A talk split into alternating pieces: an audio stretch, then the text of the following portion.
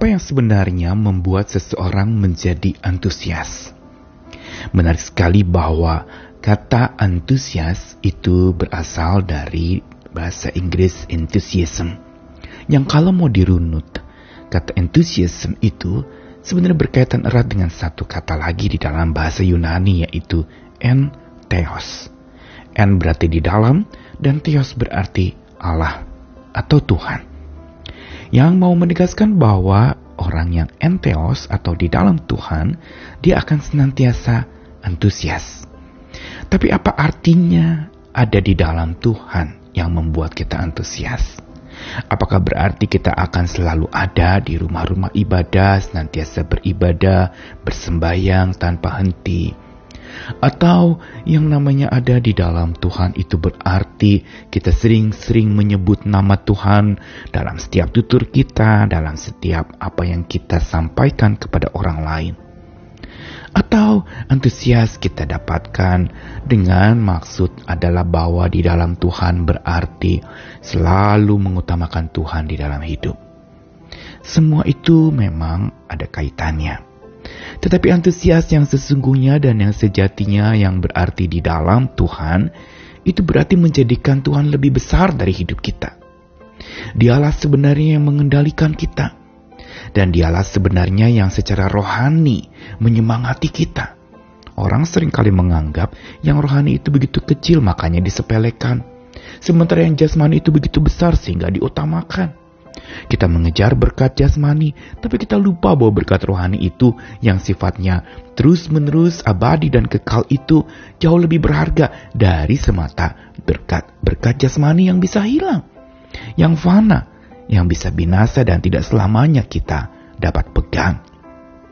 Karenanya kita perlu memahami lebih lanjut lagi tentang makna antusias atau tinggal di dalam Tuhan yang membuat kita antusias. Karena tanpa antusias yang dari Tuhan, kita tidak mampu untuk memperluas kasih Tuhan tanpa batas.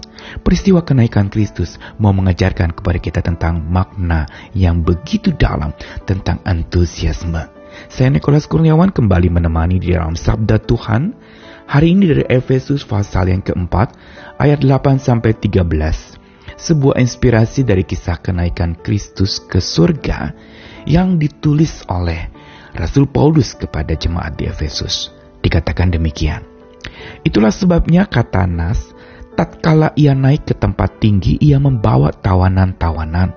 Ia memberikan pemberian-pemberian kepada manusia Bukankah ia telah naik berarti bahwa ia juga telah turun ke bagian bumi yang paling bawah?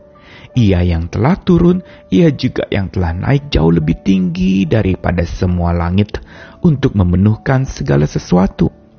Dan ialah yang memberikan baik rasul-rasul maupun nabi-nabi, baik pemberita-pemberita Injil maupun gembala-gembala dan pengajar-pengajar untuk memperlengkapi orang-orang kudus bagi pekerjaan pelayanan, bagi pembangunan tubuh Kristus, sampai kita semua telah mencapai kesatuan iman dan pengetahuan yang benar tentang anak Allah, kedewasaan penuh, dan tingkat pertumbuhan yang sesuai dengan kepenuhan Kristus.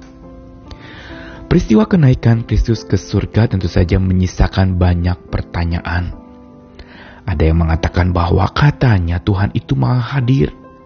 Dan Kristus itu maha hadir. Tapi kenapa dia justru tinggalkan murid-muridnya? Dia tinggalkan para pengikutnya. Yang terjadi bukan kehadiran Tuhan yang terus-menerus, tapi ketidakhadirannya yang justru menyisakan kepedihan karena peristiwa perpisahan yang membuat orang jadi bertanya-tanya, sungguhkah dia hadir dalam hidup saya? Namun peristiwa kenaikan Kristus ke surga sebenarnya punya makna yang lain bukan semata bicara ketidakhadiran secara ragawi. Karena ketika dia naik ke atas surga, itu berarti kehadirannya secara ragawi itu tidak ada lagi di dalam dunia ini. Yang mau memberitahukan kepada kita bahwa ketidakhadirannya secara ragawi itu mau menegaskan bahwa kehadiran Tuhan secara rohani itu jauh lebih penting ini kembali lagi kepada apa yang tadi saya katakan bahwa apakah yang ragawi itu lebih besar daripada yang rohani? Apakah yang kelihatan itu jauh lebih dahsyat daripada yang tidak kelihatan? Kita sering kali menganggap yang tidak kelihatannya tidak ada, Pak. Yang rohani itu nggak penting, yang penting ragawi. Besok bisa makan itu jauh lebih penting daripada berkat rohani. Saya mati kelaparan. Di sinilah sebenarnya bicara soal nilai.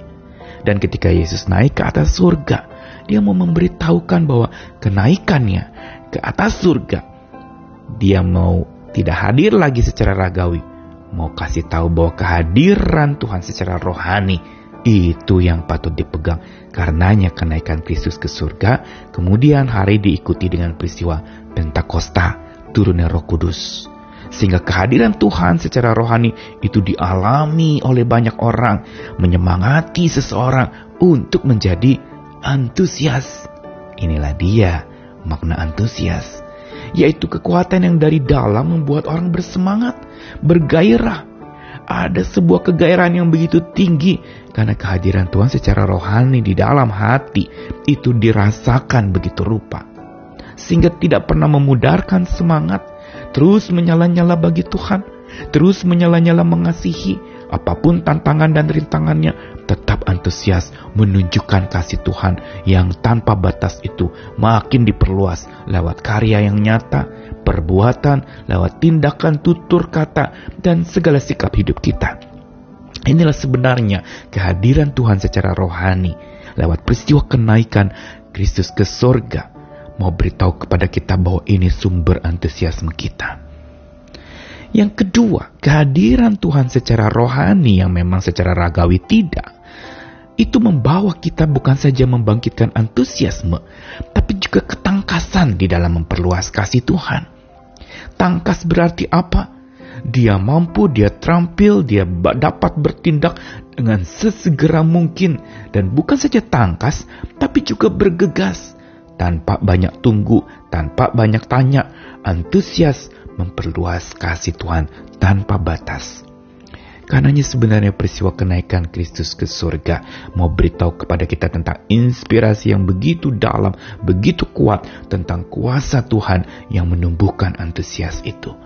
Kuasa kehadirannya yang secara rohani menetap dalam hati orang-orang yang dipimpin oleh Roh Kudus Kehadirannya secara rohani dirasakan di dalam hati, walaupun secara mata kita tidak bisa melihat jauh di mata, tapi dekat di hati dan melekat di hati, dan ini sudah cukup untuk membuat kita terus antusias, tangkas, dan bergegas memperluas kasihnya tanpa batas.